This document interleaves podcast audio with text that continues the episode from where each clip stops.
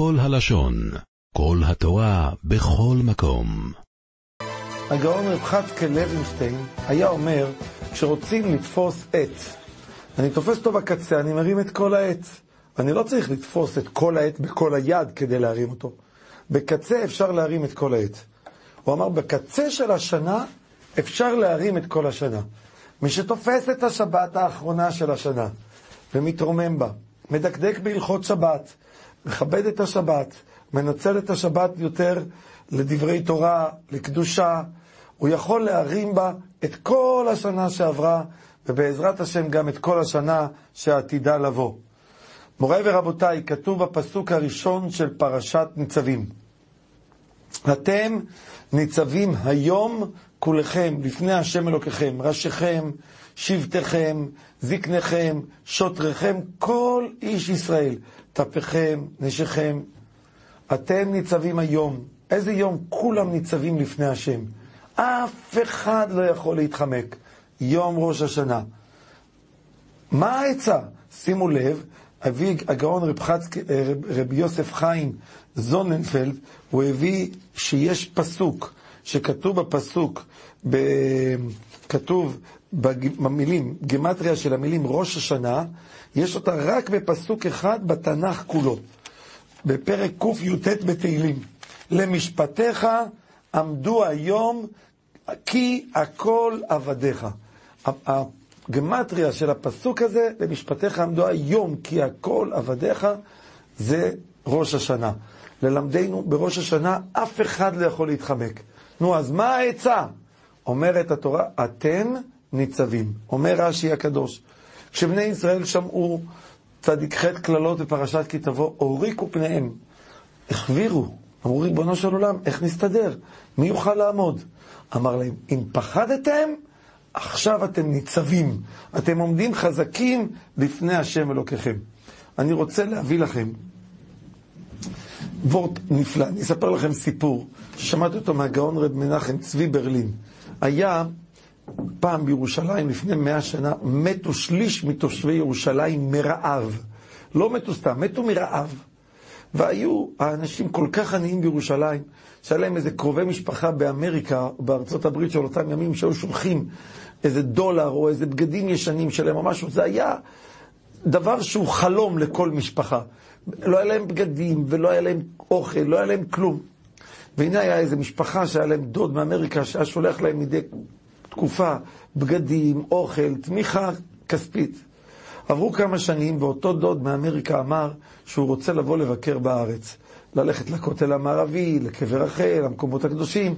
והוא בא, ודאי שהמשפחה התרגשה כולה, צחצחה את הבית הישן, הדלוח והעלוב שהיה להם, ואז לקח האבא הלוואות וקנה עוף שלם. איפה היה עוף שלם? והאימא בישלה את העוף במעט התבלינים שיש לה, ואז היא לקחה, לא היה לה שתי צלחות שלם משהו, הלכה מאיזה שכנה שאלה שתי צלחות, משכנה אחרת שאלה שתי כוסות, שאלה סכו"ם מלא.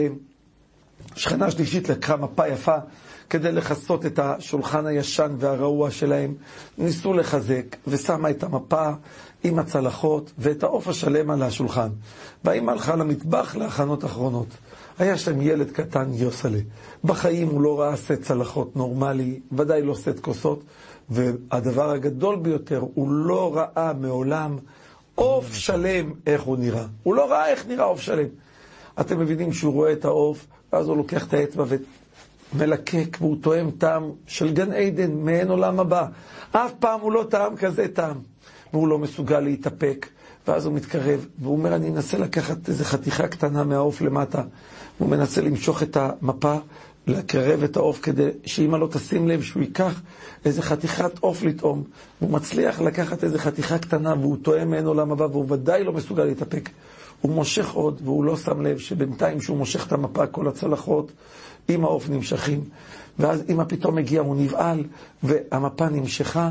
העוף נפל, הצלחות ששאלו נשברו, העוף התמלא ברסיסי זכוכית, והאימא כועסת, עוד כמה דקות צריך להגיע הדוד, הכנתי עוף, אין לי מה לכבד אותו, הצלחות אני צריכה לשלם לשכנים, את הכוסות שנשברו אני צריכה לשלם. היא הסתכלה בחמת זעם נוראה על יוסלה, אומרת לו, יוסלה, הפעם אתה תקבל מכות על כל השומרות שלך, והוא רואה שהיא מהפעם החלטית. ויוסלה לוקח את רגליו ומתחיל לברוח, כל עוד נשמתו בו, והוא בורח ובורח, והאימא רודפת אחריו וצועקת לו, יוסלה, הפעם אתה תקבל על כל מה שעשית כל החיים שלך. ויוסלה מבוהל כולו, מבועת, רץ, בורח. והנה הוא מגיע, והוא רואה פתאום שהוא נכנס לסמטה ללא מוצא.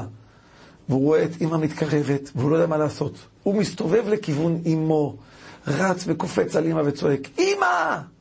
סליחה, ופורץ בבכי. ואז האימא מחבקת את יוסלה, לא רק שלא נותנת לו מכות, מנשקת אותו, מרגיעה אותו, אל תדאג, ננסה להסתדר עם מה שיש. מה הסוד? אנחנו בורחים. בורחים מהשם, עשינו הרבה עוולות, עשינו הרבה חטאים, קלקלנו, הרסנו לו. איך אמר הקדוש ברוך הוא לאדם הראשון? ראה, שלא תחריב ותקלקל את עולמי. אל תחריב לי את העולם! והבן אדם מחריב. מה העצה היחידה? הגענו בראש השנה לסמטה ללא מוצא. לרוץ אל השם, לבכות עליו, להתרפק עליו. אבא, סליחה, אנחנו רוצים להיות איתך מחדש. ואז האבא יחבק אותנו, מנשק אותנו. אתם ניצבים, זה כשאתה פוחד ואתה רץ חזרה אל אבא ומחבק אותו, זה גורם לכם להיות ניצבים ביום ראש השנה. שמעתי מהגאון רב ראובן שפירא, הוא סיפר שהוא פגש איזה עולה חדש מרוסיה, והוא סיפר לו שיום אחד הוא הולך ברחוב, הקג"ב תופסים, עוצרים אותו, ונכנסים אליו ואומרים לו, אנחנו עוד יומיים יש לך משפט. והוא כולו רועד מפחד על מה ולמה, מה רוצים ממני הקג"ב. והוא יושב ומביאים לו אוכל ואומרים לו עוד יומיים משפט, אין לו תיאבון לאכול, אין לו חשק. ונכנס עוד יום. בקיצור, ביום האחרון מגיעים, ואז אומרים לו, תשמע, אנחנו פה תשעה יהודים, גם עובדי קג"ב, וחיפשנו עשירי למניין. ראינו שאתה יודע להיות בעל תפילה, תפסנו אותך שתשלים לנו מניין ותהיה בעל תפילה שלנו. ואז הוא אומר, ברגע הראשון, אה, נשם לרווחה, טוב, אין לי איזה משפט, אין לי איזה משהו רציני, ברוך השם, זה סך הכל היה פחד. ואז הוא תפס את עצמו. יש לי משפט הרבה יותר חמור מהמשפט של הקג"ב. יש לי משפט על כל מעשה ומעשה שאני עושה, על כל פעולה שעשיתי, את ההשלכות שלה, את הכוונות שבה. מה אני צריך לעשות? והוא אמר, אני צריך, לא היה לי תיאבון לאכול, לא היה לי כלום. אני חייב לבוא עם אותה פחד, עם אותה אימת הדין למשפט שלי ביום ראש השנה. ואז הוא התחזק ותפס. וזה החלק של הפחד. הגאון הרב יחזקאל אברמסקי היה אומר, איך התורה קוראת ליום ראש השנה? יום תרועה. לא אומרים יום נטילת לולב, לא אומרים יום אכילת מצה, לא אומרים יום, יום, יום, יום הדלקת נרות. אומרים מצוות הדלקת נרות, מצוות תרועה. מה זה יום תרועה? למה התורה קוראת ליום ראש השנה יום תרועה? הוא אומר יום שלם של ראש השנה משפע מהתעוררות אחת שלנו. התעוררות אחת שלנו, יום תרועה. זה הכוח. כשיהודי מתחזק אפילו בחיזוק אחד, כשיהודי תופס את עצמו, זה מש... משפיע על כל היום. כותב הגאון רב חיים פלאג'י בספרו תוכחת חיים, בשם הזוהר הקדוש, דעיקר הדין ביום ראש השנה הוא על כבוד התורה וכבוד בית המדרש. איך אתה מכבד בית מדרש? אתה מדבר שם סתם דברים, אתה מזלזל בו. איך אתה מכבד את התורה? אתה לומד אותה או אתה עוזב אותה על כל שטות? אתה רץ ומתבטל בכל, בכל דבר. אני רוצה לספר לכם, סיפר בספר כל משאלותיך, שיום אחד הייתה איזה בת קיבוץ שחזרה בתשובה. והיא באה לשאול את רב אליהו מן, שישאל את הגאון רב חיים קנייבסקי, שישאל אותו כזאת שאלה. אבא שלה היה בחור חרדי שהיה ברוסיה, באיזה שטטל, באיזה שטיבל שם, באיזה עיר, עיירה ברוסיה. פרצה מלחמת העולם השנייה. עלה לארץ, נער בודד, אוד מוצל מאש, אף אחד לא ניצל איתו ביחד, הגיע לקיבוץ, נעשה לו עלינו כופר. אבל מצווה אחת נשארה לו. הוא היה לוקח את השופר, וכל ראש השנה היה תוקע בשופר לכל אנשי הקיבוץ שהיו רוצים לשמוע כל תקיעת שופר. ואז הוא סיפר שהוא היה תוקע. והיא אמרה, בא לשאול, שגם כשראש השנה חל בשבת כמו השנה, הוא רצה לתקוע בראש השנה בשבת. האם היא תעצור אותו? כי היא מפחדת שאם תגיד לו לא, הוא יגיד, תשמע, אני בין כל התוקע כמו שצריך, לא לפי ההלכה, הוא יעזוב את כל התקיעות. או והוא מחלל שבת, מדי רבנן הוא תוקע בשבת, או שתשתוק, תשאיר אותו כדי שלא יעזוב את הכל, מי יודע מה הוא יגיב. אמר רב חיים קניבסקי, שב ואל תעשה עדיף. תשאירו לו לתקוע בשבת, אל תדברי, אל תעשי כלום. ואז הוסיף רב חיים קניבסקי משפט, הוא אומר, מי יודע אם לא המצווה היחידית הזאת שהוא קיים, תקיעת שופר בראש השנה. אני לא יודע, לא התפלל, לא חזר בתשובה, הוא תקע בשופר. זה מה שלימדו אותו, זה מה שהיה חוויה, איזה פולקלור ככה שהוא רצה לעשות. היא גרמה לבת שלו לחזור בתשובה, היא גרמה לו שיהיו לו נכדים וחתן שבעלי תשובה, יראי השם, כולם לומדי תורה, מקפידים ומדקדקים בהלכה. אנחנו לא מבינים מה מצווה אחת שלנו יכולה לעשות. מה הכוח של מצווה אחת יכולה לעשות. לכן, בואו נדע כולנו שאם אנחנו רוצים להיות ניצבים לפני השם, למדנו פה כמה דברים. הדבר הראשון, פחד הדין, לפחד מהקדוש ברוך הוא. עצם הפחד, עצם הדבר שאדם יודע, אז זה גורם לו לרוץ אל השם, לבוא, לבקש, אני רוצה להיות עם הקדוש ברוך הוא ביחד. הדבר השני שדיברנו, שגם התעוררות אחת, ההשלכות שלה, הן השלכות שמשפיעות על כל היום, ולכן כל אחד ואחד מאיתנו צריך לתפוס כל התעוררות, כל חיזוק.